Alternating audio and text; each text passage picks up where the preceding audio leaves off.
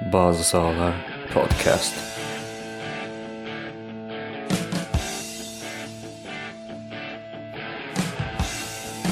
Herkese merhaba ve hoş geldiniz. Ada sahasının 25. bölümüne karşınızdayız. Kepa'dan Sarri'ye büyük saygısızlık. Manchester City dörtlünün ilk parçasını tamamladı. Chelsea'de transfer yasağı. Puel'e elveda. İngiltere derbisinde beraberlik. Liverpool'un hücumu keyif vermiyor. Tottenham'ın fişini çeken Dyche büyümeye devam ediyor. Emery Hazenhuttl'dan rövanşı aldı. Honorable mention Delafeu. Ali hoş geldin. Hoş bulduk merhaba. Nasılsın abi iyi misin? İyi abi çok teşekkür ederim. Nasılsınız sizler? Mert Memnun nasılsınız beyler bakalım Biz size. deyiz teşekkür ederiz. Biz deyiz. Sağ ol Fırat. Nasılsınız sorusu benden başka birinden gelince bir adapte olamadın sanki. Evet, şaşırdım ben ne yapacağımı bilemedim. Premier Lig 11-12 günlük bir aradan sonra geri döndü 27. haftasıyla. Ama Premier Lig'den önce ilk konuşmamız gereken şey Karabük Cup finali Manchester City Chelsea 0-0 bitti ama penaltılarla Manchester City kupaya uzamaya başardı. Maçtan ziyade maça damgasını vuran yegane olay şuydu. Kepa Arrizabalagá'nın kendisini buraya getiren, kendisine o 70 milyonluk bonservisini veren Sarri'ye yaptığı büyük saygısızlık. Ali ne düşünüyorsun konu hakkında? Saygısızlık olduğunu düşünüyor musun? Yoksa sakat olduğunu sanıp Sarri, oysa ki Kepa sakat değildi de o tarafta mısın? Yok çok zaten öyle olmadığı netleşti şimdi Kepa'ya verilen o maaş cezasıyla birlikte. Onun aslında böyle ilk reaksiyonu kısmak için yapılmış bir taktiksel açıklama olduğu netleşti. Adam gerçekten de e, ki onu olay anlatılmasına rağmen orada görüntülerde var geniş görüntülerde. Zola epey bir olayı anlatmaya çalışıyor Kepa'ya ve böyle hani ortayı bulmaya çalışıyor. Herif gayet bilinçli bir şekilde antrenörü tanımayarak oyundan çıkmadı ve ben bir daha da yani e, önümüzdeki 2-3 haftalık süreçte kesin olmakla beraber sezon sonuna kadar da büyük ihtimalle oynayacağını düşünmüyorum Kepa'nın. Kesinlikle. Ee, Zaten bu hafta bence kesin oynatmayacak ki oynatmayacağını da söylemiş galiba Sarri son şeyde, son basın toplantısında. Ee, sezon sonuna kadar da bence oynamayacak ve gördüğüm benim en acayip şeylerden biri. Yani Hikmet Karaman Kuvoyken'in ötesinde bir şey bence. Oyuncu değişikliğine mukavemet etmek ben bayağıdır görmemiştim. Bilmiyorum siz gördünüz mü? Hele Premier Lig'de hiç görmemiştim böyle bir şey. Ki bir de bu yarınki maç Tottenham'la. Öyle de bir Evet. durum var. Öyle de bir durum var. Ya bir de Şampiyonlar Ligi kesin gidiyor mağlup olursan yani bence. Kesinlikle öyle. Ee, zaten Şampiyonlar Ligi bence düşünmüyor şu an Sarri. En çok düşündüğü şey şu vadede koltuğunu koruyabilmek. Ama onu da ne kadar istiyor transfer yasağından sonra bilmiyorum. Ona da geleceğiz yavaştan. Ben şey söyleyeceğim. Daha önce örneği görülmüş müdür? Jonathan Wilson çok güzel bir tweet attı. Onu ben paylaşayım. Kasım 1948'de Kiss Best menajeri Bela Gutman. Bu bizim Bela Gutman meşhur Gutman, Laneti vardır. Aynen. Fullback oyun, savunma oyuncusu Mihaili Patyi'yi ilk yarı sonunda oyundan almaya çalışıyor. Çok agresif olduğu için. O zamanlarda biliyorsunuz daha önce değişikliği yok. Ve Puşkaş arkadaşına kalmasını söylüyor. Arkadaşını cesaretlendiriyor oyuna çıkması konusunda. Sonra maç boyu abi Bela Gutman açıyor gazetesini okuyor. Hiç maçla ilgilenmiyor. Sonra bunlar bir daha Puşkaş'la hiç konuşmuyorlar. Böyle çok güzel bir anı. Jonathan Wilson Enteresanmış. tweet. O da ona da soruyorlar böyle bir şeyin daha önce bir e, özelliği var mı diye. O da direkt yani örneği var mı diye. O da direkt bu örneği veriyor. O da bu aralar Macaristan'la ilgili Macaristan futbolunun gelişimi tarihi hakkında bir kitap yazıyor. Ondan da biliyor olabilir. Zaten o da çok ayrı inanılmaz bir adam. Tabii Ee, Chelsea- Blizzard'ı okumuşsundur. okudum evet evet. O da çok keyifli gerçekten. Türk sayısı İtaki'ye de buradan teşekkürler. 3 bölüm önce Metin katıldığında The Football Writer konuşmuştuk burada Chelsea'nin olası transfer yasağını Mert ve Memduh. 4 transfer dönemi konuşuluyordu ve biz biliyoruz ki o gün de söylemiştik. Futbolda bu tarz yasaklar konuşulunca veya bir kural değişiklikleri konuşulunca er ya da geç uygulamaya konuluyor ve iki transfer dönemi yasağı olarak uygulamaya konuldu. Mert, Chelsea bu dönemde neler bekliyor iki transfer yasağı döneminde? Yani artık çok zor durumdalar. İki transfer dönemi boyunca hiçbir şekilde oyuncu alamayacaklar. Ki özellikle yani şu toksik kadrodan kurtulup yerine yeni oyuncular alamamak yani Chelsea için belki de bir 5 senenin kaybı bile olabilir. Yani ben öyle düşünüyorum en azından. Bence Chelsea'nin en büyük kazancı da şu olur. Gençlere yönelirler. En azından Kalımasın odayı falan takımda tutarlar yani. Aynen aynen. Ben de işte zaten oraya gelecektim. Bu işte kira, kiraya oldukları oyuncuları en azından bir toplayıp onları mesela belki Lucas Piazon'u yıllar sonra Chelsea formasıyla görebilir miyiz? Hala kiralık mıydı abi? Hala kiraz. Lucas Piazon değil mi? Hala kiralık. Belki onu bir yıllar sonra gerçekten Chelsea formasıyla falan görebiliriz belki. Ya çünkü Eden Hazard falan gidecek. O kesin. Yani onun ben artık zihinsel olarak da pek İngiltere'de bulunduğunu düşünmüyorum. Ee, Onun dışında ya Higuain Villain falan hepsinin gitmesi gerekiyor. Şimdi daha önce de söylemiştim. Çünkü çok artık bir toksik yapı var. Ki bence bu Kepa olayında da yani bu Kepa Sarri e, tartışmasında Kepa'nın da ben ondan biraz etkilendiğini düşünüyorum bu takımın genel halinden. Tabii Sarri'nin şey durum da var. Birazcık e, takım kontrolünü ele al- alabilmek adına biraz fazla inat yaptığını düşünüyorum ben o pozisyonda. Bence Sarri özelinde kesinlikle şu ortaya çıktı.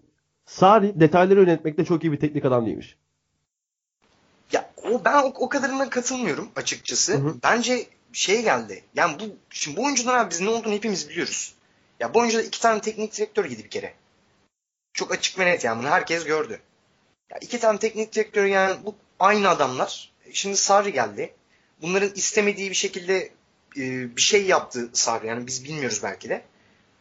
Öyle olunca biz bunu da yeriz dediler. Ama şimdi işte bu transfer yasağı da geldi. Belki artık kafaları daha rahat olabilir. Yani en azından işte Chelsea'deki yerimiz garanti diyebilirler. Ya çok zor bir durum. Chelsea'nin ben 5 senesinin kaybolacağını düşünüyorum açıkçası. Zaten Şampiyonlar Ligi potasından falan kesin çıkacaklar. Ben orada durabileceklerini hiçbir şekilde düşünmüyorum. Çok çok zor durumdalar. Direkt 5 sene diyorsun ha. Ben evet 5 sene diyorum ya. Çünkü iki, iki dönem iki dönem gidecek. Ondan sonra tekrar ya Sarri kalacak mı kalmayacak mı? O belli değil hala. Ya ben Peki hı hı. Heh. buyur buyur. Ya ben Sarri'nin kendi eli için durmasını istemiyorum açıkçası. Sarri o istediği Sarribol'u yani maksimize edilmiş Sarribol'u izlemek istiyorum ben. Her Ama imkanlarla. transfer yasağı da gelince işte Sarri'nin kalmasının da bir anlamı kalmadı artık. İşte zaten onu demek istiyorum. Yani ben Sarri için yani benim hani o Sarribol'u görebilmek adına Sarri'nin ayrılmasını istiyorum. Ama Chelsea'nin iyiliğini düşünürsek Sarri'nin ayrılmaması lazım. Ha şöyle bir durum da var. Şimdi bu kadroyu doğru yönetebilecek adam Sarri mi? Bu önemli yani. Belki orada senin dediğine e, çıkıyor olabilir. Yani detayları ne kadar iyi yönetip yönetmediği orada kritik nokta olabilir. Çok zor bir süreç başladı. Ben ne yapacaklarını ben de açıkçası çok da bilemiyorum. Ama en azından ya Hazard'dan kurtulmaları iyi bir şey olacak. Ya kesinlikle. Hazard'la zaten gideceğini çok şey belli etti artık iyice. Bir de şöyle bir durum var. Ee, bu transfer yasağıyla birlikte yani Sarri idealist bir teknik adam hepimizin bildiği üzere. Ama şu anki Chelsea'ye lazım olan şey daha önce de başarıları getiren şey yine döndü karşımıza çıktı.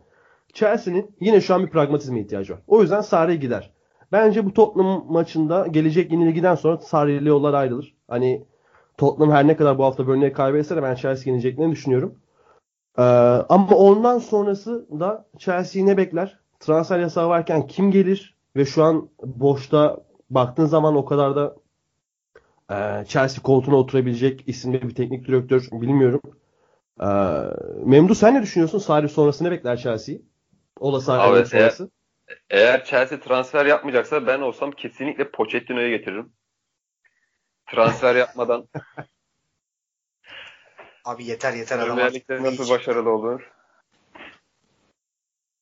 Ya hakikaten Abramovich aldığından beri kulübü satın aldığından beri bence Chelsea en zor sürece girdi şu an bu yasakla birlikte.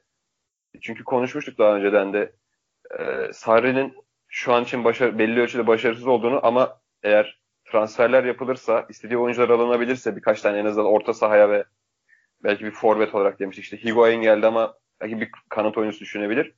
Şu ortamda artık transfer de yapamayacak Chelsea. Kepa ile olanlar ortada. Hakikaten büyük bir kaosa sürükleniyor. Böyle Türk takımı gibi oldu biraz Chelsea'nin durumu. O açıdan ben de bek- bekliyorum yani neler olacak, ne göreceğiz. Ama büyük ihtimalle bence şey ayrılacaktır ya. Sarri ayrılacaktır. Yani Sarri kendi de ayrılmak isteyecektir bu saatten sonra. Çünkü e, kafasında bir oyun planı var. Oynatmak istediği oyunu oynayab- oynayabilecek oyuncular şu an için elinde e, belli ölçüde var. E, takviye yapması lazım. Yapamayacak. Ben olsam yani ayrılmak daha mantıklı gibi geliyor Sarri adına. Bence de öyle. Sarri kesinlikle ayrılmak isteyecektir ama ben son olarak Ali'ye dönmek istiyorum. Ali, eee Abramovich tutmak isteyebilir belki Sarri'yi. Bence de tutmak isteyebilir çünkü Sarri'ye veya daha doğrusu herhangi bir menajere karşı oradaki clean başındaki adam Eden Hazar ve o bu yaz artık kesinlikle gidecek öyle gözüküyor. Yani Real Madrid başta olmak üzere ki hatta Real Madrid tek opsiyon olmak üzere büyük ihtimalle oraya gidecek.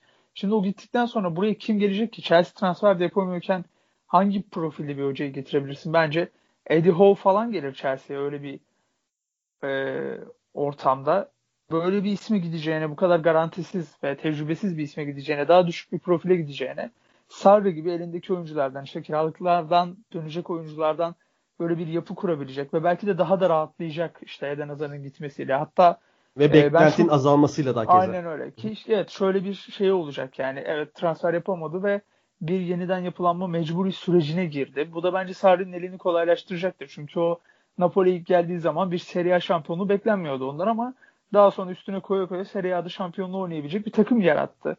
E, belki de Sarri'nin e, optimal ortamı budur yani bunu da görmek lazım.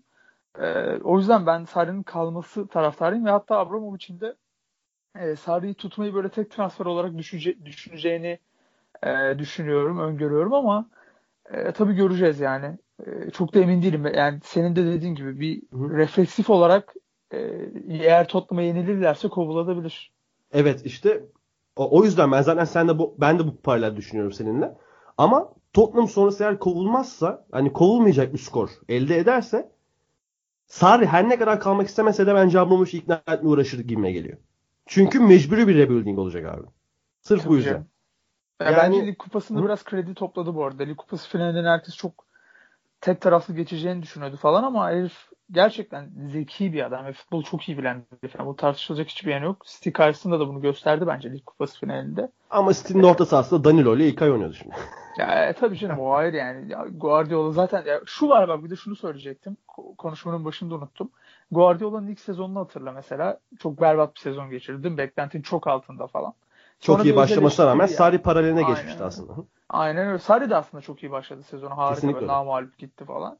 Hatta Sonra şunu da demiştik e, Ali. Sarri bu döngüyü tam tersine çevirebilseydi şu an Sarri'nin kovulacağı konuşulmuyordu. Tabii canım. Kötü başlayıp sezon başındaki performansı şu an yakalasaydı. Buyur.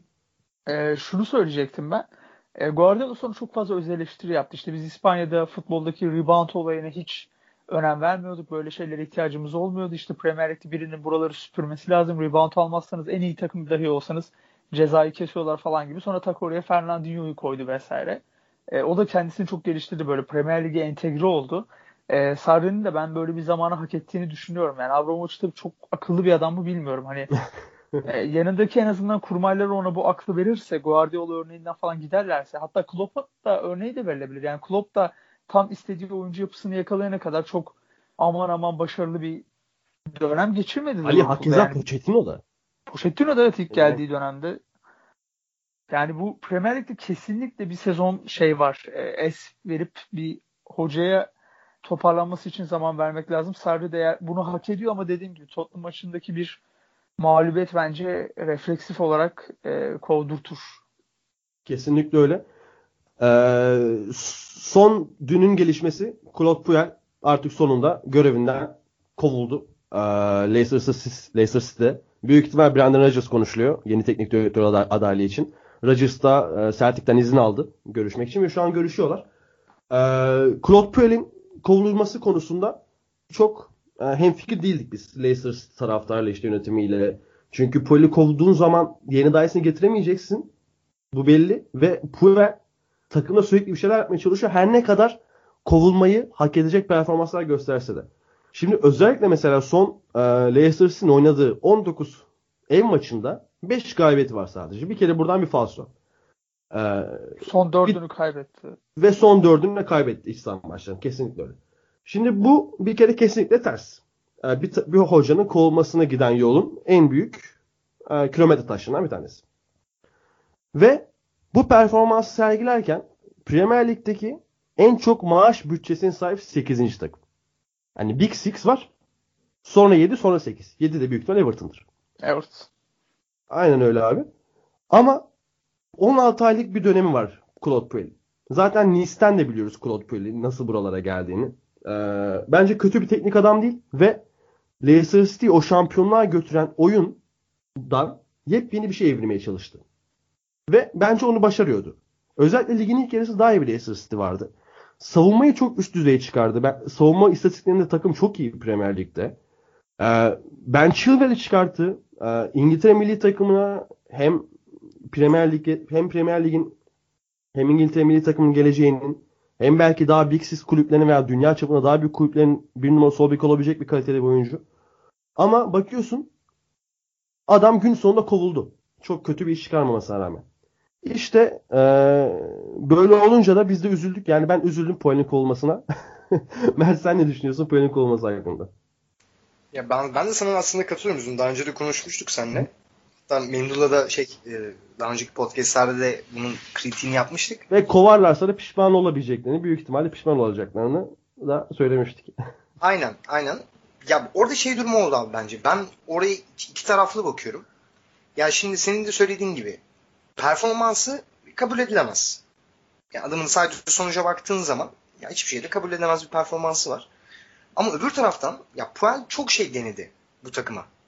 Ve bu denedikleri birazcık sabır gösterilse belki sonuç verebilirdi. Ya şimdi Abi bir de Leicester. City mesela hani Manchester City gibi takımlara karşı bile 35-40'a varan top al- alma oranlarını oynadı. Hani Puel aslında başarıyordu bir yerde. Aynen aynen yani işte şöyle bir durum var.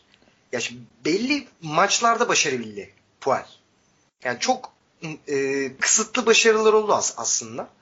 Ya genel çerçevede başarısız bir performans var. Hem bunu mesela 1-2 sene daha belki devam ettirse e, hani ne olurdu? Çok bilemiyorum. Ben açıkçası daha iyi bir performans göstereceğini düşünüyordum Puel'in. E, çünkü yani mentalite olarak yani Leicester'ın da kimyasına uygun bir e, mentalitede.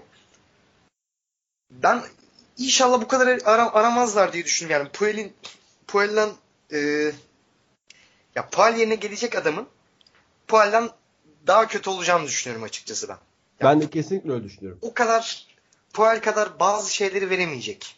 Şimdi bir Çünkü- de Puel'i buyur. Ya çünkü Puel fazla büyük resmi görüp ona böyle hareketler yapmaya çalıştığı için, ona, ona göre hamleler yapmaya çalıştığı için kısa vadede başarısız olması ya bir bakıma kabul edilebilir. Puel'in mantığı için yani sadece Puel'in e, kendi düşünceleri için söylemek istiyorum bunu. Ama işte uzun vadede işte ne olacağını ben daha iyi olacağını düşünüyordum açıkçası. Tekrar söylüyorum bunu. yani. Daha iyi olabilirdi. Ya, olamadı. İşte ilerisini göremeyeceğiz. Ya ben üzgünüm açıkçası Puel için. Ben- Bence Premier Lig'de yine bir iş bulabilir. Yani biraz belki boşta kalır. Yine bence bu Zirve Lig'de kalabilir. Ama şimdi baktığı zaman demin de dedim 8. en yüksek maaş bütçesi, rezalet bir performansı ama e, yükseltilen oyuncular ve iyi bir savunma. İstatistiklerde çok iyiler mesela hani e, en çok kaleye şutta gel- yani kalelerine gelen şutta 5. sıradalar işte e, gol yeme sıralarında 9. oyunculardan yanlış hatırlamıyorsam. Ama hücumda o kadar çok varyasyon denedi ki hiçbirinden verim alamadı. Hani en son denediği varyasyon so- solda Harvey, Harvey Barnes, sağda Demarai Gray, önde Wardy. Yani Harvey Barnes'a kadar herkesi denedi. Hiçbir şekilde verim alamadı hücum hattında. Ali sen neden James Madison olmasına rağmen bu hücum hattı neden özellikle ikinci yarıda bu kadar vasatlaştı sence? Ya Vardy'nin çok formsuz olmasıyla da biraz alakalı bence ki son maçta Gray'i uçta oynattı. Hatta maç öncesi basın toplantısında da işte artık Vardy'nin sırtındaki biraz yükü almamız lazım falan dedi ama o biraz Aynen alt metin olarak eleştiriydi yani. Çünkü Vardy iyi durumda değil. Girdikten sonra penaltı kaçırdı falan Tottenham maçında. Çok kötü oynadı falan. O da çok etkili çünkü bu takımın hani nereden bakarsan bak çok da büyük bir alternatifi yok o Santrafor'da yani. Bu bir gerçek. Ama bence temel problem e, Puel'in bir büyük takım futbolunu ya oturtmaya çalışması Leicester'a. Yani Aynen. Manchester. City, Chelsea, Liverpool. Bu üç takım dışındaki kalan ligin en çok topla ilgilenen takımı Leicester. Yani gerçekten Manchester United'da, Arsenal'da bu kadar topla alakaları yok. Yani mesela bence. Fulham'ı da böyleydi Ali hatırlarsın. Aynen öyle. Aynen öyle. Hadi şu var. Jokanovic bunu çok kötü bir savunma hale denedi. Fulham zaten Premier Lig tarihinin belki de en kötü savunma performansıyla düşecek. Korkunç sayıda gol yedi falan.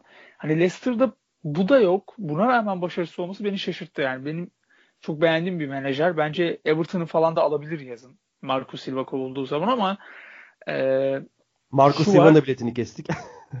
Marco Silva gidici gibi ya bilmiyorum ben gider gider. Gitmeli zaten. Yazın- da gitmeli. Gitmeli de zaten. Yani Watford üstü burası. İkinci yarılardaki bu performans e, yok. Bir daha takım emanet edilmez bence. Hele en Evet. azından büyük bütçe. Şunu söyleyeceğim. Yani Leicester'ın bence temel problemi aslında bu bir problem değil ama Premier Lig özelinde bu ciddi bir problem. Bunu Sarri bile yaşıyor Chelsea kadrosuyla. Oyun oturtmak çok zor. Yani proaktif oyun oturtmak çok zor. Ben hükmedeceğim. Oyunun yönüne ben karar vereceğim. Temposuna ben karar vereceğim demek çok zor. Ee, o da bunun sıkıntısını yaşadı bence. Kesinlikle öyle. Ee, Memduh son olarak sana sorayım bu konuda. Brandon Rodgers neler vaat eder? Eğer anlaşma sağlanırsa. Şu an sağlandı bu arada. Sağlandı mı? Evet. Kesin. Şu an kesin. Evet, İçeriden mi midir hocam? Yok yok ya Twitter'a düştü. Çok evet. içeride Leicester'da adamlarımız yok henüz. Şu an kulüp binasına doğru yürüyor. Memnun ne haber Brandon Rodgers? Ya Brandon Rodgers aslında çok gelecek vaat ediyordu. Swansea'daki çıkışı sonra e, Liverpool'da o şampiyonluğa oynanan sezon. Bir de çok iyi de bir taktisyendir bu arada kendisi. Puel'den aşağı kalmaz yani. Evet ama sonra e, çok bir şey de olamadı açıkçası. Celtic'e gitti. Tamam Celtic'te e, şampiyonluk yaşadı ama zaten e, Rangers bir krizin içinde hala. E, Şampiyonlar Ligi ve Avrupa Kupalarında yapması gerekenler vardı.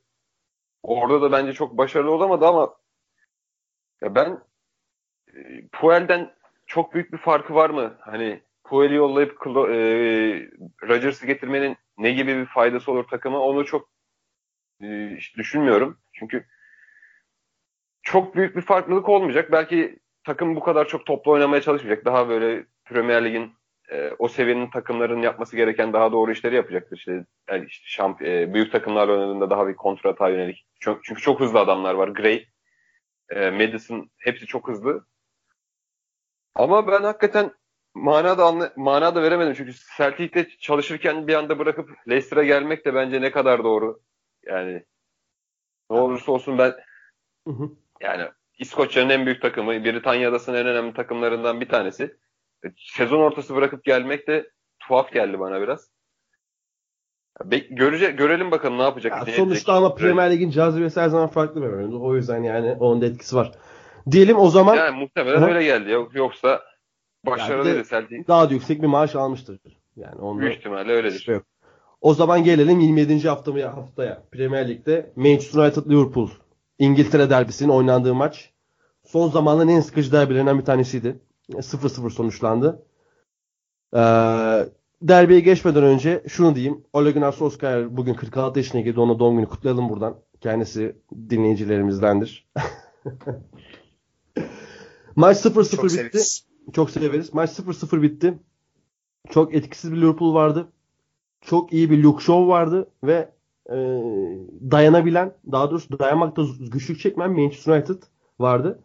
Ve Liverpool bence istediğini alamadı. Klopp'la maçtan sonra bu maçı kazanmalıydık diyerekten e, tavrını ortaya koydu. Ben şöyle başlamak istiyorum. Liverpool hücum konusunda gittikçe kötüye gidiyor. Ee, bilmiyorum dikkat ediyor musunuz? Özellikle bu 4-2-3-1'in bu sezon daha çok denenmeye başlamasından sonra e, hatta e, daha düşük seviye takımlara karşı sürekli 4-2-3-1 oynarken çok daha verimli oluyordu Liverpool. Salah öne atıyordu. Firmino'yu arkaya Şarçeli sağ Mane sola. Şimdi böyle olunca geçen seneki alışkanlıkları bu sene taşıyamadığını görüyoruz 4-3-3'te. Geçen seneki 4-3-3 daha üretkendi. Ama bu sene 4-2-3-1'in devreye girmesiyle o öndeki bir oyuncu fazlalığını, bir oyuncu eksilince hissediyorlar. Biraz karışık bir cümle oldu ama umarım anlamışsınızdır. Kesin öyle abi. Ben katılıyorum. Ee, ne diyorsun bu... hakkında? Bu maçları mesela gördük ki hani çok kötülerdi. Şunu da söyleyeyim en son. Henderson mesela böyle bir duruyor abi. Sağ atıyor, bir bakıyor, sağ dürtüklüyor topu. Atacak adam bulamıyor. O kadar o derece bir hani hareket konusunda da sıkıntılar var takımda. Buyur abi. Şey söyleyecektim ben sana katıldığım için lafını kestim. Ee, Liverpool'un bu 4-3'ü e, bence hücum anlamında özellikle işlerliğini tamamen yitirdi. Yani tamamen yitirdi. Hele Fa- Fabinho, Wijnaldum, Henderson falan olduğu zaman e, acayip vasat bir orta sahaya dönüşü hücum anlamında. Orada bir de Naby Keita'yı falan bir türlü denkleme sokamadığım için sezon başından bu yana çok kesik kesik oynadığı için ki bence e, Klopp'un en çok güvendiği transfer, en çok önemsediği transfer oydu. Kesinlikle. Zaten o yüzden onu Fabinho'dan önce takıma sokup bir an evvel kat kalmaya çalışıyor. Çünkü biliyordu geçen sezondan bu sezona o 4-3-3'ü taşımanın zor olacağını. Senin elindeki Firmino, Mane ve Salah tamam. Bütün dünya bu oyuncuların farkında ve artık geçtiğimiz sezonki kadar sen e, underdog bir takım değilsin yani. Bunlara önlem alınacağı, bunlara karşı çok daha sert ve blok halinde oynanacağı çok barizdi bu noktadan Ki olacak. bunu Arkadan... da sezon başındaki Salah performansla gördük Ali. Aynen öyle. Hı? Yani kesin öyle. Salah zaten çok bu maçta da Shaw'un yıldızlaşması bence Müthiş genel anlamda Manchester United savunmasının o üçlüye aldığı önemli ve Salah'ın işte etkisiz kalmasıyla alakalı falan filan. Zaten Salah'a karşı kim oynarsa o yıldızlaşıyor şu aralar. Yani Bayern maçında da bence Bayern Münih savunması müthiş maç çıkardı. Çünkü Liverpool'un o orta üçlüsüyle uçtaki üçlüsü arasındaki o inanılmaz nasıl desem iletimsizlik mi denir buna yani yaratıcılık problemi e, rakip savunmaların işini epey kolaylaştırıyor. Yani bu noktada dediğim gibi 4-2-3-1 Liverpool'un tek çözüm e, önerisi şu an sunabildiği. İşte Şakir'i transferi bu açıdan çok önemliydi Ve ama Ali, bence ben Klopp'un da şunu fark ettiğini düşünmüyorum 4-3 konusunda. 4-3 oynarken daha büyük takımlara karşı Henderson'ı sürekli hamle adamı olarak kullanılıyor. Hani o presi yönlendirmesi için. O orta sahadaki Evet. dinamizm sağlaması için.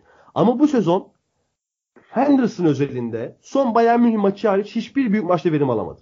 Direkt 4-2-3-1 gene Aynen. denemiyor. Hiçbir şekilde denemiyor ama. Ben buna anlam veremiyorum.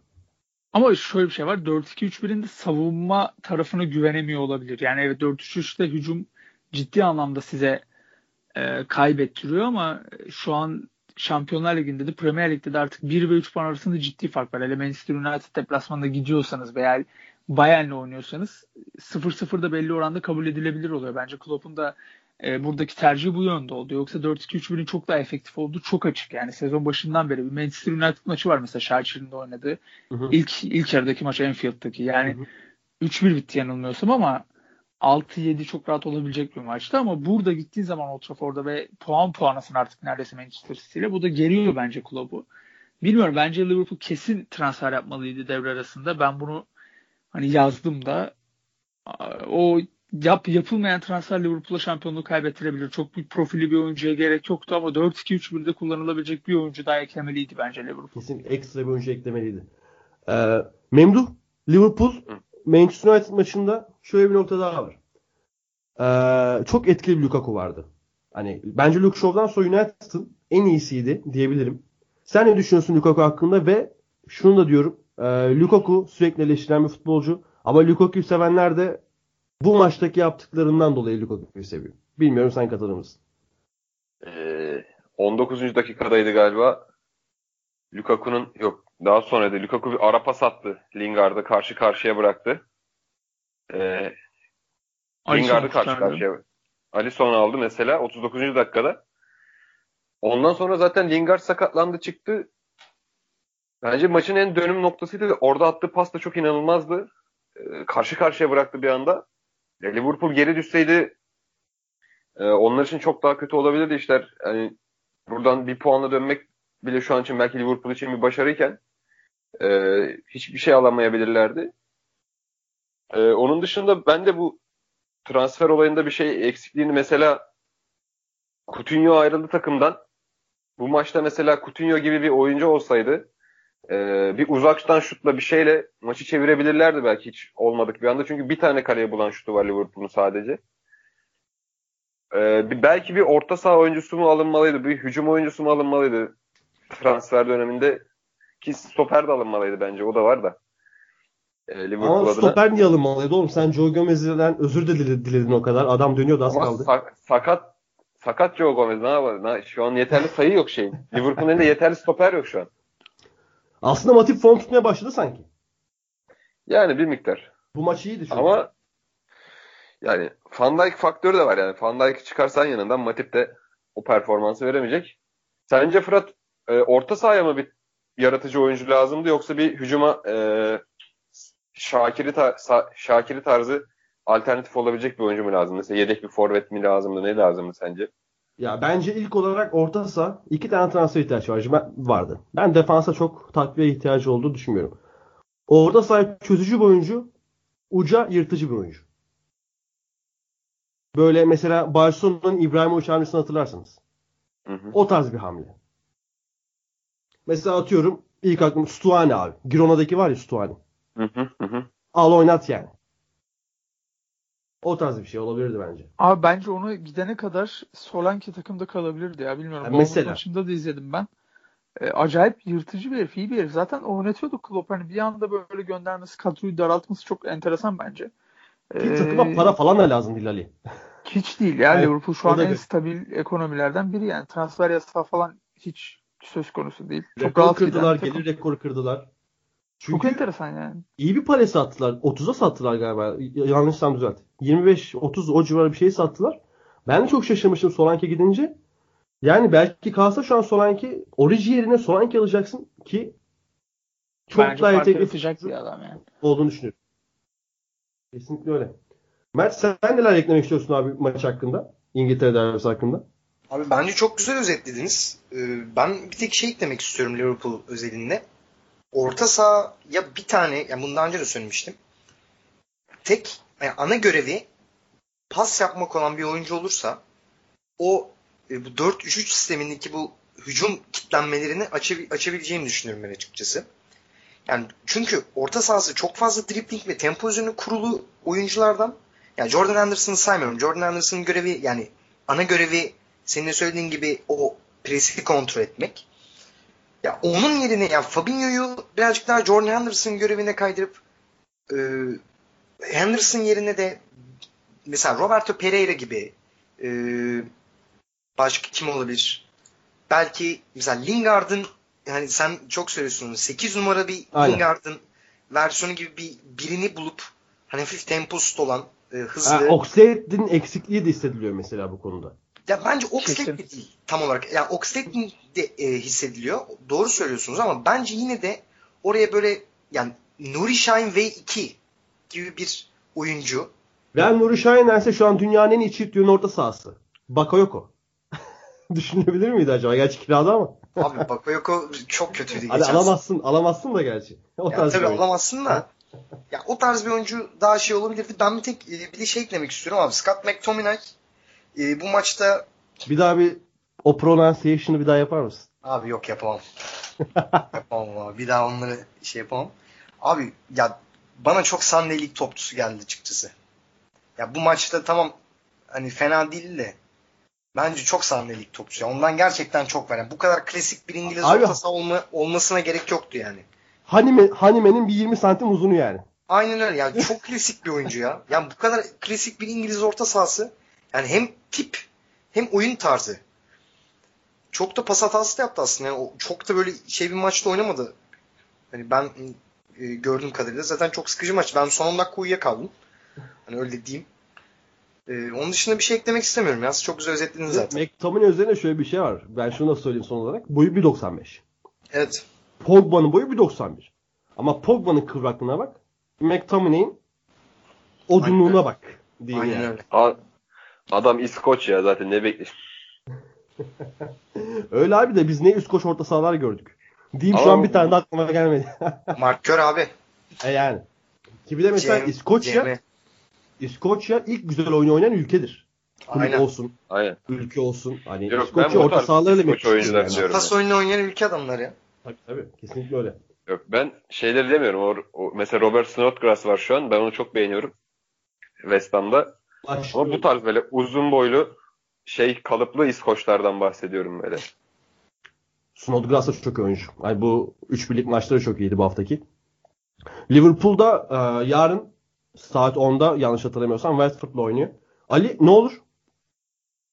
Yani yani Watford bence en tehlikeli takım ligin geri kalan bölüm içerisinde zaten puan durumu da onu gösteriyor ama çok zor maç. Bence Liverpool için kötü anlamda kırılma maçı olabilir ya. Ben ciddi sürpriz beklediğim maçlardan biri bilmiyorum. Ki Delafoe'ya da özel değineceğiz. Acayip, Acayip bir Defoe'ye hafta geçirdi. mutlaka değinelim. Gerçekten. Aynen değineceğiz.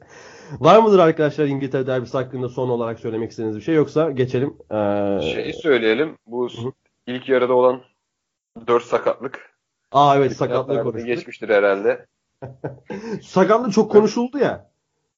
Sanki biz de bir konuşmuşuz gibi unuttuk. Yani o çok saçmaydı gerçekten. İlk yarıda United'dan 3 sakatlık, Liverpool'dan 1 Peki, sakatlık. Sizce eğer United'ın ikinci yarıda hamle hakkı olsaydı maçı etkiler miydi? Yani Solskjaer'in öyle bir değişiklik yapabilme durumu olsaydı ben Aa. öyle düşünüyorum. Yani ben United'ın maçı kazanabileceğini düşünüyorum. Evet evet. Yine bence United daha baskın oynadı. Daha en Ya- azından daha net pozisyon buldu. Şöyle Aynen öyle. etkileyebilirdi bence. Şunu diyebilirim. Mesela e, Lingard'la sakatların çıkmasaydı çok daha iyi olurdu. Evet. Ama mesela Lingard sakatlanıp çıkmayacaktı. İşte Andres Pereira Lingard oyuna girmiş olacaktı. Sanchez girmeyecekti. Direkt bir oyuncu değişikliği hakkı da alacaktı. Orada McTominay çıkıp Fred'in gireceği noktada belki çok daha işler olabilirdi. Yani ha- hakikaten bir oyuncu değişikliği hakkı olsa en azından çok daha farklı bir skor gelebilirdi. Yani şu an Liverpool, Liverpool değil de City lider diyebilirdik. Aynen öyle. Ben de öyle düşünüyorum. Çünkü United'ın bence yani ilk maç planı çok iyiydi. Solskjaer'in oradan şeyler çıkartabilirdi. Eğer 60'tan 70'ten sonra bir veya iki oyuncu atabilseydi. Çünkü Liverpool bence ciddi anlamda düşmüştü. Bayern maçı onları benim beklediğimden daha fazla yormuş. Hı hı. Her anlamda. Ama tabii şanssızlık oldu ama yok şey çok iyi bir menajerlik dönemi ya. Yani acayip hayal gibi bir şey yani Solskjaer'in şu an yaptıkları. Müthiş Ve abi sadece ya. şey hakikaten. de değil yani böyle üst üste gelen sürprizler de değil. Gerçekten böyle bilerek adım adım büyüyen bir menajerlik bence bilmiyorum. Ali gelirken şey demişti Solskjaer. United'a o coşkuyu tekrar geri getireceğim demişti. Aynen öyle. United Yani hakikaten getirdi. büyük takım hissi vermeye başladı. Yani bu Liverpool maçında bunu görmeye bak gördük tekrar. O Mourinho döneminde ve daha öncesinde kaybettiği Liverpool'un tedirgin olduğunu gördük. Yani şimdi bir Old Trafford'da bir gol yersek çıkaramayız şeyini ben uzun süre sonra ilk kez gördüm United'ın rakiplerinde. Aynen öyle. İşte mesela şey bile dedi yani mesela Pogba'ya futbolcu olduğunu hatırlatacağız. o tarz şeyler. Sergen Yalçın bari. Ozan Tufan gibi. O da hatırlattı biraz sanki Sergen Yalçın. Hakikaten o da Abi Alanya o ayrı çok bir podcast gerekiyor Sergen Hoca'ya. Acayip. aynen öyle. Yapalım Yani ya. Everton'ı Everton'ı Puel alır diyorsun ama Sergen Hoca da şeylerde çok aday. iş yapar gibi.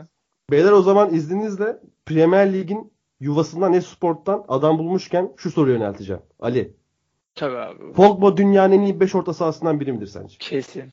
Abi bak adam toptan anlıyor adam. Sizin gibi değil Memduh Mert. O estağfurullah. Diyorum Bence abi. Pogba net yani. ya.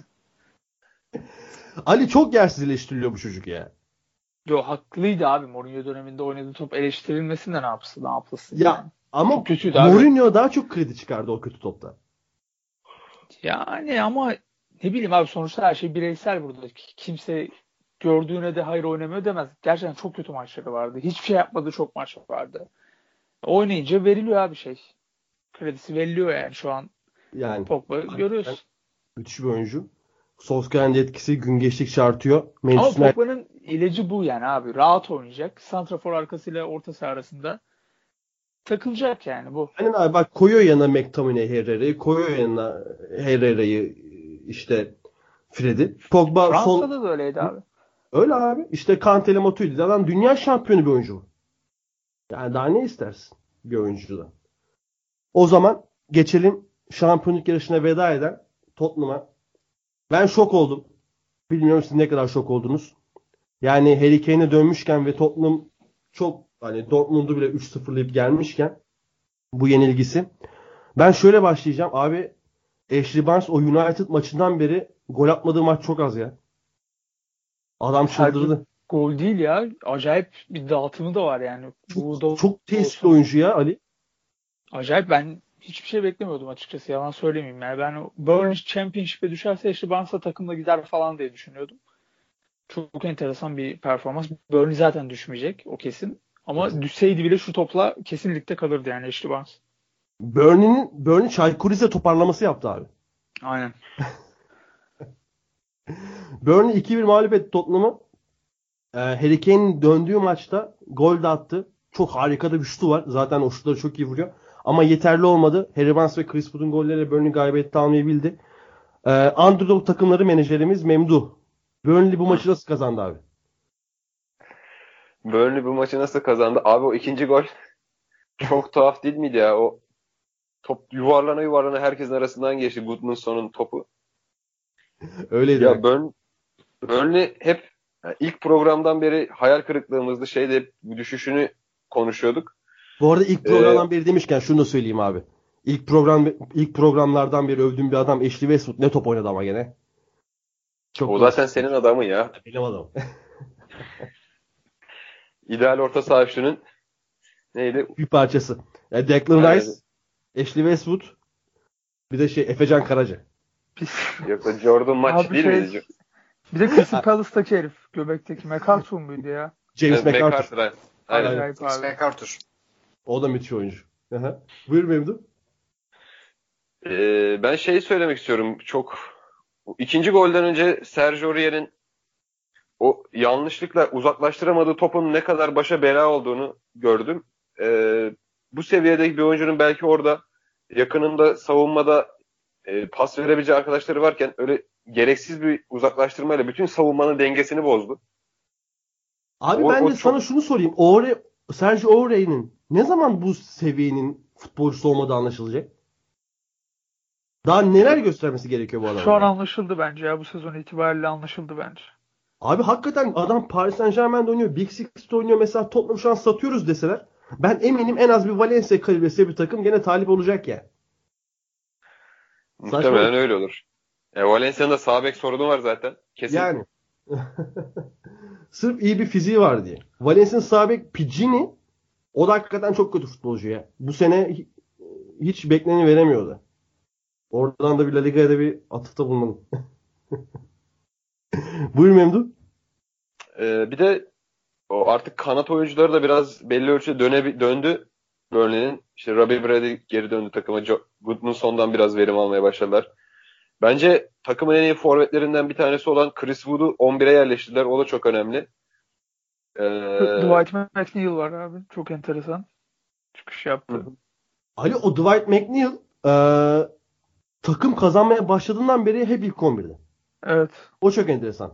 O Dwight McNeil konusunda. Bir de şey çok, gencecik. rahatlattı yani. Ashley Barnes çok fazla top taşımak zorunda kalıyordu bu Chris Wood'a falan. Araya artı bir hücum oyuncusu çok iyi oldu Burnley açısından. Çok daha rahat geliyorlar falan. Biraz o şeyi attı böyle yani. Üretemem olayını atmış oldu. E, aynen öyle. Sence potansiyeli nedir McNeil'in? Yani şey falan yakıştırması var. O, o kadar katılmıyorum. Böyle Zaha tipi bir oyuncu falan olur. Aa yok yok İşte işte öyle bir şey yok bence de hiç alakası Evet. yok ama e, Burnley gibi bir takım için büyük e, kazanım yani. Kesinlikle öyle. Ee, Tottenham buradan sonra peki Mert sence şampiyonluk potasına tekrar girebilir mi? Ya zor gibi ya. Ben e, açıkçası ben çok üzüldüm Burnley maçına ki biliyorsun ben 3-4 podcast'tir Pochettino'nun güncel olarak dünyanın- iyi hoca olduğunu söylüyorum. Evet. ya bu maçta ben üzüldüm ya. İlk maçta da aslında ilk maçta e, buna buna benzer bir senaryo vardı. Hatırlarsınız. Hı hı. Son 90 artı 3'te e, ah, 90 artı 1 değil mi? 90 artı 3 demiş. Öyle bir zamanda gol atmışlardı. Aynen. Aynen. çok böyle sıkışık ya Tottenham'ın ne oynadığı belli olmayan dandum bir maçtı ilk maç. Abi bu maçta açıkçası biraz öyle oldu. Ya Burnley ya gerçekten çok iyi bir savunma takımı ki bence Tarkovski müthiş bir maç oynadı. Maçı nesiydi ya? Direkt. Savunma olarak yani Tom Heaton'ın da hakkını yemeyeyim. O da bir tane Kane'in uzaktan çok iyi bir şutunu çıkardı. Ben şey Abi bir de. Burnley'de mesela bu sene Heaton çok iyi formda. Formayı aldığından beri. Geçen sene Nick Pope vardı hatırlarsınız. Evet, pro- Evet. yani milli takıma kadar gitmişti. Aynen öyle Nick Pope sakatlık var galiba Nick Pope'da öyle biliyorum. Evet sezonu kapattı o ya. Sezonu kapattı. Ya her sene bir kaleci çıkartıyor öyle Burnley'lerde. İki sene oldu yani. Geçen sene Nick Pope bu sene Heaton. Buyur Mert. Abi bir de bir şey bu maçta aslında e, şey durumu oldu abi. Mantıksal olarak adamlar yani to, Pochettino abi ayağı kötü olan adamların üzerine yüklendi. O da Burnley'in sağ tarafı. Yani Bartsley ve Tarkovski. Özellikle Bartsley'nin ayağı yani feci bir tam bir takoz o seviyede. Takoz Recep seviyesinde. Abi yine yine de yani o dar alanda Burnley o kadar güzel kapattı ki Tottenham'ın bütün e, pas kanallarını, hücum e, kanatlarını hiçbir şey yapamadı. Ben bir tek şey üzülüyorum. Juan Foyt'u üzülüyorum. Ben bilmiyorum ben mi çok abartıyorum ama Juan Foyt bence çok iyi bir stoper olabilir. Ayağı, dribling falan çok iyi. Bilmiyorum bana katılıyor musunuz ama Ben siz de merak katılıyorum. ediyorum. A- ayağı konusunda özellikle katılıyorum. Bence de ya ayağı falan acayip topla çıkması falan da çok üst düzey ama tabii bir David Luiz sendromu olabilir abi o herifte. Yani stop ettirmeyen stoper şeyi başladı biraz çünkü üzerinde de biraz şey oturdu biraz kötü bir algı oturdu bilmiyorum katılır mısınız ama yaptırdığı penaltılar falan derken. Evet evet. Ya ben de o yüzden sizin de fikriniz ne merak ettim. Hani bende de aynı durum var. Ya ben daha iyi olabileceğini yani David Luiz'den bir kere daha iyi olacağını düşünüyorum açıkçası. O konuda daha netim. Ya David Luiz'in çok overrated kaldı. Ya bu döneme kadar. Yani şey- bence hiçbir zaman bu seviyelerin topçusu olmadı. David Luiz. Ee, Başka da bir şey söylemek istemiyorum. Yani çok o, üzüldüm. o kadar da o kadar da büyük değil ya. Bu seviyenin topçusu oldu abi. Biz yapma gözünü seveyim. Bilmiyorum abi. Bence biraz fazla abartılıyor ya. Tarihin en iyi savunma performanslarından biri David Luiz'in tüm sezon boyunca gösterdiği ya. Bilmiyorum abi ben çok sevmiyorum açıkçası kendisini. Sempatik Ya. bir adam ama Adam dünya dünyada üçlü savunmanın en iyi oyuncularından bir tanesi ama ikili savunmada gerçekten iş yapamıyor. Hani öyle bir sıkıntısı var David Luiz'inde. Ama Foyt konusunda haklısın bence de. Ee, yoksa Tottenham, Burnley Tottenham maçına başka ekleyeceğimiz şeye geçelim. Arsenal'a. Geçelim abi. Geçelim abi o zaman. Ee, Arsenal 2-0 Southampton'ı mağlup etti. Evinde rövanşı aldı. Hala fazla atıl geldiğinde ikinci maçta Ali yanlış hatırlamıyorsam Arsenal'ı Evet. yenmişti. Danny Şimdi- Ings Show vardı. Aynen Danny Ings Show vardı. Emery e, rövanşı aldı. Ama o maçta Liechtensteiner stoperde oynuyordu. Bence o maçlar harbiden sayılmamalı. Yani Liechtensteiner'in stoperde oynadığı bir maçın Premier Lig'de kabul görmesi hoş değil bence. Yani çok korkunç bir tercihti. Gerçi tercih değildi o maçta. Mecburen oynadı da. Ee, korkunç bir savunmaydı o. Ama ben şeyi beğendim. Arsenal'ı bu kez çok beğendim. Çünkü ben bazen Emery'nin Emirates'lik kadro tercihleriyle takımı çok sınırladığını düşünüyorum. Yani çok ezbere kadrolar çıkardığını düşünüyorum. Bu kez öyle Bir değil de bu sezon sanki ilk defa 4-2-3-1 oynadı ya. Ben Aynen öyle. Şey Değil mi? çok bence çok acayip oldu. Mickey'nin kadroya girmesi Arsenal'ı çok değiştirmeye başladı bence. Aynen Mkhitaryan o da bir gol bir asist yaptı. O da iyiydi. Her ne kadar asisti biraz şans asisti olsa da gol iyiydi. E, golde Mkhitaryan golünde Ali asisti şey yaptı. Iwobi yaptı. Daha Evet. doğrusu asisti değildi sanki. Orada bir pozisyon hazırlayan Iwobi'ydi. Sekip de geldi top sanki. Tam hatırlayamadım şu an. Iwobi'nin bir katkısı vardı o golde. Sana şunu soracağım. Iwobi ada sahasının beğendiği oyunculardan bir tanesidir. Ve Iwobi konusunda biliyorsun insanlar böyle iki ayrılıyor genelde. Sen nasıl buluyorsun Iwobi'yi? Ben gayet faydalı ve iyi buluyorum abi. Iwobi bence acayip gereksiz eleştirilen bir adam. Çünkü ne beklediğini net ortaya koyman lazım. Yani Iwobi nedir oyuncu profili olarak? Yani Premier Lig'deki dengi kim nedir sence muadili? Ya Iwobi'nin Premier Lig'deki muadili Iwobi'dir abi. Ha işte bak Doğru bunu, bunu, zaten, bunu söyle yani bunu zaten söylemek Yani istiyorum. hakikaten Lingard'dır. Lingard'dır. kim ya bu adamdan ne katkısı bekliyorsun? Yani Eden Hazar orada oynuyor. Eden Hazar gibi mi top oynasın? Hani Arsenal, Chelsea, rakip, yakın rakipler falan. Böyle bir şey yok. Yok. Bilmiyorum Arsenal'da her orada oynayan adamdan Tierney falan top oynamasını Yani bekliyorsan Evet. e, Pres, böyle pres performansı bekliyoruz oradan değil mi? O aynen öyle ya da pres falan yapsın. Jumberg kadar top oynasın diyorsan öyle bir şey olmaz yani hemen. Ki bence Jumberg katkısı da verebilir. Bilmiyorum. Çok da uzak değil bence. Hatta şu an formdayken. Verebilir ki hatta Iwobi ya benim Lingard'da düşündüğüm gibi demin Mert de söyledi ya iyi bir 8 numara çıkabilir Iwobi'den. Ki arada Yani- kullanılıyor orada. Oxlade Chamberlain'den nasıl oraya devşirebildiysen Aynen öyle. Iwobi'den de devşirebilirsin bence. Olabilir hakikaten. Aynen öyle. Ben Southampton'a bir geçmek istiyorum Arsenal'dan. Yani son 4 maçları kazanan bir Southampton var. Hazenhuttl geldikten sonraki performansını çok iyi sürdüremedi. Bu arada Ali Hazenhuttl telaffuzu tam nasıl abi? Hazenhuttl ya doğru. Doğru mu? Tamam. Doğru doğru. Güzel. Ben de şeyden biliyorum. Bizim Orhan Uluca'yı belki biliyorsunuzdur. Bundesliga üstadımız Orhan abi ki Almanya'da çok uzun yıllar yaşamış birisi. Hazenhuttl yani o. Onun Hazenhuttl. Ee, bu performansını sürdüremedi geldikten sonra. O üçlüsü aslında gelir gelmez çok iyi performans ortaya koymuştu. Özellikle Bednarek formda zirveye çıkmıştı. Ama tekrar üretememe sorunları baş- başladı. Özellikle o iyi dönemdeki e, Armstrong'un iyi performansı bu dönemde kalmayınca Evet. en önemli etkilerden biri bu ol- oldu abi. Bir de şey normal insan futbolu oynamaya başladı Redmond. Yani bir ara Aynen. şansı da çok yaver. Normal Bu maçta da mesela bu maçta da bir top çekti ya Leno çıkardı. Aynen. E, hı. Hazenhutt'un ilk haftalarında esrarengiz bir şekilde o top hep girdi abi. Ama yani öyle bir şey yok yani yüzde yüzle oynayamaz Redmond. Kaleye attığı her şut gol oldu. Bir ilk 4-5 şutu gol oldu yani Hazenhuttl döneminde. Şimdi biraz şans normale %50-50'ye döndü. O da puan Sliders'lara güncelleme geldi. Aynen öyle yani. Gerçekten şansı yaver gidiyordu herifin. Yani kötü hoca değil. Ranieri gibi bence bir skandal yaratmıyor. Ranieri mesela hiçbir şey değiştirmedi Fulham'da. Ya, Ama. Hazenhuttl da ben e, katkısını böyle çok aman aman yukarıda görmüyorum ve Southampton'ın kesin bence 36-37. haftaya düşme korkusuyla girecek artık o netleşti yani. Peki sence düşerler mi? Yani bence çok ufak bir şeyle kalacak. Hmm. Yani 17. olarak falan kalacak bence ama Peki son bileti kim alacak sence? Şu an 27. hafta itibariyle. bence Cardiff düşecek ya. Cardiff mi? Aynen. Cardiff saçma puanlar çıkartıyor ya. Evet, o korkutuyor değil mi? O korkutuyor. İşte acaba düşmeyecekler mi diyorsun o yüzden. Ama bence Kyrie zaten düşmeli ya. Neden? Yani çünkü seneye de aşağı yukarı bu profilde bir takım olacak. Ama Southampton Hazenhutl'la ve transferlerle seneye sana bir Watford şeyi yaratabilir. Efekti Ya. yaratabilir yani. Kesinlikle öyle. Ki bir de Southampton'ın burada defalarca söyledik. 4-5 olacak herhalde. Tekrar söyleyeyim. Çok kaliteli bir orta sahası var. Yani Tabii ayrı. Højbjerg ayrı, Ward-Prowse ayrı. Ee, Juventus'tan gelen çocuğun adı neydi? Juventus. Lemina.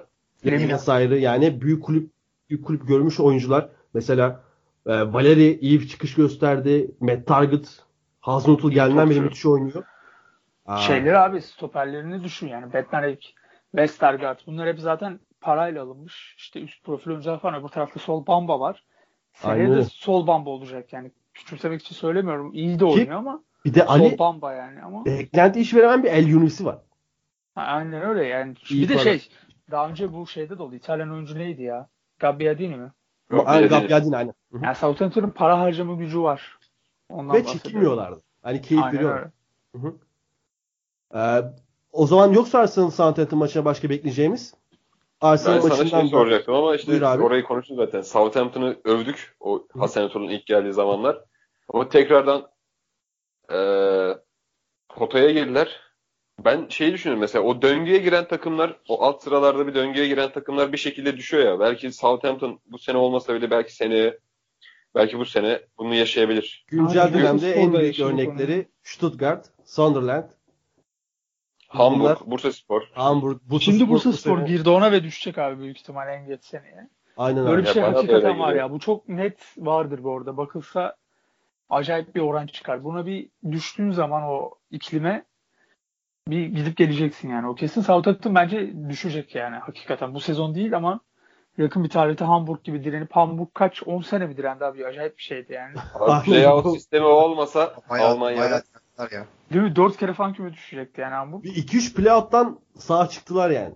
Aynen. Ali yarın Bournemouth'la maç var. Arsenal'ın Eddie Howe'la. Ne olur? Vallahi acayip zor maç. Çünkü şey falan çok çok formda. Bournemouth'ta Joshua, King, King. falan forma girdi. Ki acayip bir herif bence. Şeyi çok Abi bir de Joshua. King top ayağına çok yakışıyor ya. Evet çok klas herif. Ya çok klas herif. Hani o fizikte bir adamda o kadar bir klasik beklemezsin ama çok Az klas evvel gerçekten. konuştuk. Solanke çok iyi. Bir de ben şeyi çok beğeniyorum ya. Fraser var ya yani Abi Zaha'dan sonra benim küçük takımlarda en beğendiğim 2-3 adamdan biri yani. Delefeu ile beraber tabii ki.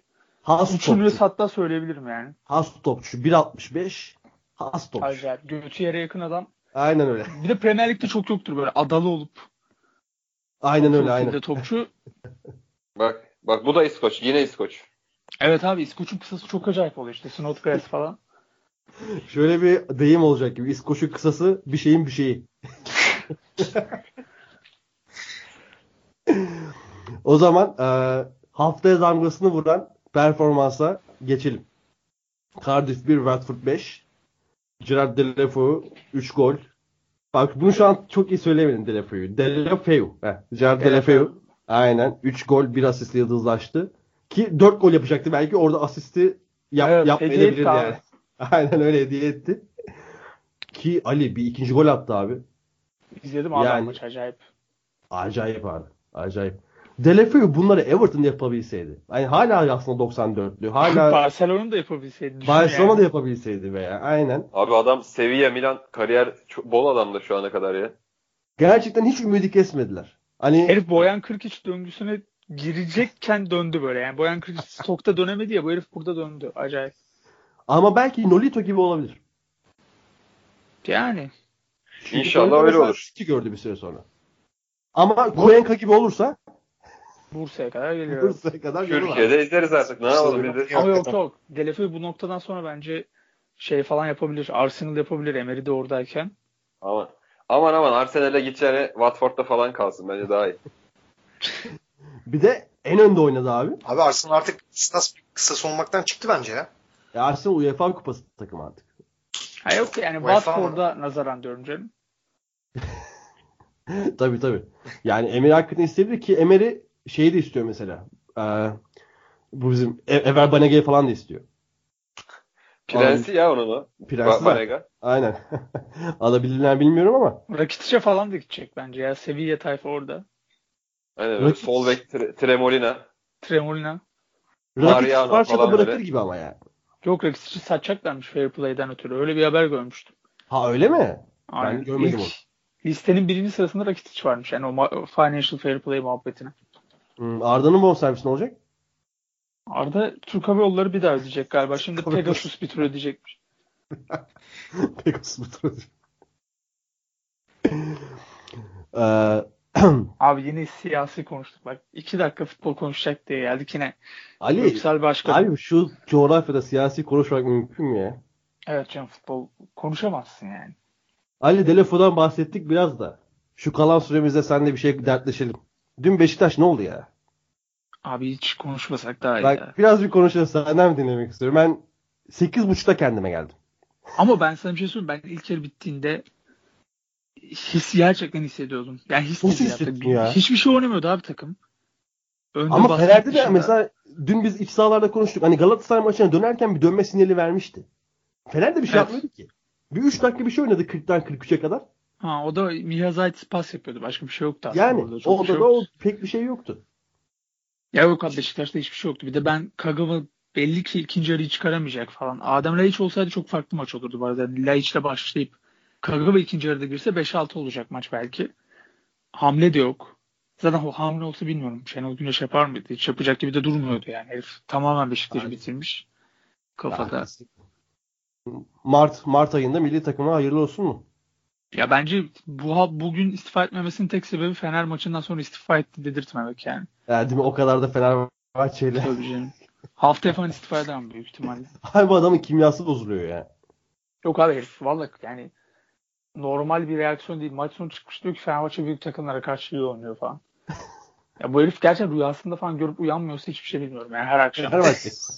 Öyle gerçekten diye, yok normal değil abi herif çıkıyorsun 3-0'dan 3-3 maç vermişsin. En son 1960'ta falan oldu herhalde böyle bir şey. Fenerbahçe büyük takımlara karşı iyi oynuyor falan. Fenerbahçe kalır mı ligde? Kalır herhalde bu puan önemliydi. Önemli değil. Ha Yok şaka maka önemliydi abi. Haftaya bence Rize'yi yenemeyecek çünkü. ya ben de var ya tam tersi çok büyük bir mental kırılma yukarı doğru yaşandığını düşünüyorum Fenerbahçe'de bu maçtan sonra. Abi Ben- ben katılmıyorum o kadar ya. Çok oyun anlamında da çok iyi bir şey var mıydı Fenerbahçe'de Yok emin değilim. Ya gene ekstra gollerdi abi. Tabii canım. Gene Saad'ın golüne faul var mıydı sence? Yok bence ya temiz. Sence yok mu? Hı. Ya ben olduğunu düşünüyorum da biraz hafiften. Yani ya bilmiyorum abi çok çok kafa topu pozisyonu yani öyle çok da Çok da yani. Zaten bayağı ortada bir karar. O zaman Premier Lig 27. hafta bu şekilde geride kaldı. Var mıdır arkadaşlar? Troy Deen'i övecek arkadaşlar vardı ya. Ya Dean övecek. Troy- Troy konuşalım abi ben de Aynen. konuşmak istiyorum. tamam ben abi. Troy. Deeney övecektim. Bir türlü söz vermedin bana ya. Emert'im girsen abi. Ben senin zihnini mi okuyorum? Abi Troy Deeney ben şöyle diyeyim. Abi yıllardır çok severim kendisini. Tam bir Premier Lig topçusu. Ya bu maçta da çok acayip oynadı. Kaptan. Ligin dinamiklerine hakim mi? Yok kaptan. Abi ligin yemiş bitirmiş ya. Ligin kaşarı olmuş artık yani. Troy Deeney ya bu ligin sefiri olmuş. Çok büyük bir adam. Ben çok severim kendisini. Bu maçta da Delafeu'den daha iyi oynadı demek isterdim ama diyemiyorum o kadar. Yani şimdi abartı hakkında bir tespit yapacağım. Katılır mısınız? Bir 10 kilo verse bu kadar iyi futbolcu olmaz. Olmaz Olabilir. Çok Olmaz ya bence de olmaz. Çok Ama- güçlü ya. Abi çok acayip bileklerine de çok hakim. Yani o kadar böyle hani şey öküz gibi duruyor ama bir anda hemen çat topla dönebiliyor. Güzel bir pas çıkarabiliyor falan. Yani o konuda hani çok da böyle eksik bir oyuncu değil açıkçası. Ve fena da bir hızı yok yani. O, Evet, o evet. göre. Hı hı. Zaten ilk golde mesela Troy Deeney'nin savaşması savaşından çıkıyor gol. Troy Deeney orada 3 kişiyle böyle mevzu yapıyor. O sırada bir anda top çıkıp Delafeu'yu vurunca gol oluyor falan. Ali buyur abi sen Tabii. ne diyeceksin Troy Deeney Ha hakkında? yok şey diyecektim ya. Troy Deeney ile Telefü acayip sevdiğim iki adamın %50 daha iyisi gibi yani acayip bir ikili. Vişça Fernando fantezisi gibi bir şey yani. Fernando. Fernando'nun bu ligde çok hak yendi. Çok hak yani canım. Bak cidden. Mert sen Fenerbahçe'sin abi. Düş- bize katılıyor musun? Fernando konusuna. Aha. Fernando konusuna diyorsun ha? Evet evet. Kesinlikle, kesinlikle. Bende forması var ya. Hadi be. Ya tabii o işin şakası canım. Dini ile Fernando arasında Ya o, o- aynen ben o değil de ben, ben Fernando'yu çok severdim ya. Bence Ben ben çok hak yendi. Hakikaten Çok, ben de çok katılıyorum. daha iyi olabilirdi yani. Yani ki mesela Bursa'daki sezonun ilk maçı hatırlıyorum dün gibi. Budo'daydım Şey abi. maçıydı. Türkiye Eskişehir maçı. maçıydı galiba. Türkiye Kupası maçı değil mi sanki? Eskişehir maçı mıydı? İki gol atmıştı. Eskişehir'e mi? Bir takıma. Kupa maçı diye hatırlıyorum. Vallahi Ozan ilk maçı değildi ama benim ilk izlediğim maçtı herhalde. Bursa kimi getirmiş dedim, demiştim böyle ya. Acayip bir adam falan. Sonra işte kariyeri. Adamın kolu kırıldı. Kimse ziyarete gitmedi. Ya o Yani çok böyle- bir durum. ya. Çok çok kötü şeyler yapıldı. Ben çünkü gerçekten yani içine uk- ukde kalan oyunculardan biri. Ya Emenike'ye gösterilen sabır Fernando'ya gösterilmedi. Eğer Aynen Aziz. Yıldırım'ın prime zamanı olsaydı ondan verim alınırdı abi. Prime Aziz Yıldırım. Aynen aynen. O inanılmaz bir dönem mesela. 2003-2004. Hayır. Abi 2004 2008 gerçekten arası olabilir. falan bence. Prime Aziz Yıldırım. Aynen. Aynen aynen. Evet, evet, o dönem. 2004 2008 Prime 2008 arası falan. O zaman burada noktalayalım. Yavaştan. Ali Tamamdır çok abi. teşekkürler abi katıldığın Ben için. teşekkür Seni ederim çağırdığınız için. isteriz. Estağfurullah Beyler- tabii ki seve seve. Sizlere de çok teşekkürler. Yine iyi muhabbet ed- çevirdiniz. Gün, gün be gün Eyvallah. gelişiyorsunuz falan diyormuşum. Sayen de be abi. Sen Ne? olmasan ne yapacağız? İmkan? Bize burada konuşuyoruz Fırat. Ya işi şakası bir yana abi. 25 bölüm devirdik ya. O çok keyifli oldu yani. Şöyle bakınca 25 bölüm devirmişiz sadece ada sahasında. Yani Abi çok ağzınıza keyifli sağlık. oluyor podcastlerimiz. Dinleyenleri dinledik için, dinledik için teşekkür ederim. Ve kendinize iyi bakın. Hoşçakalın. Hoşçakalın. Hoşçakalın. Hoşçakalın.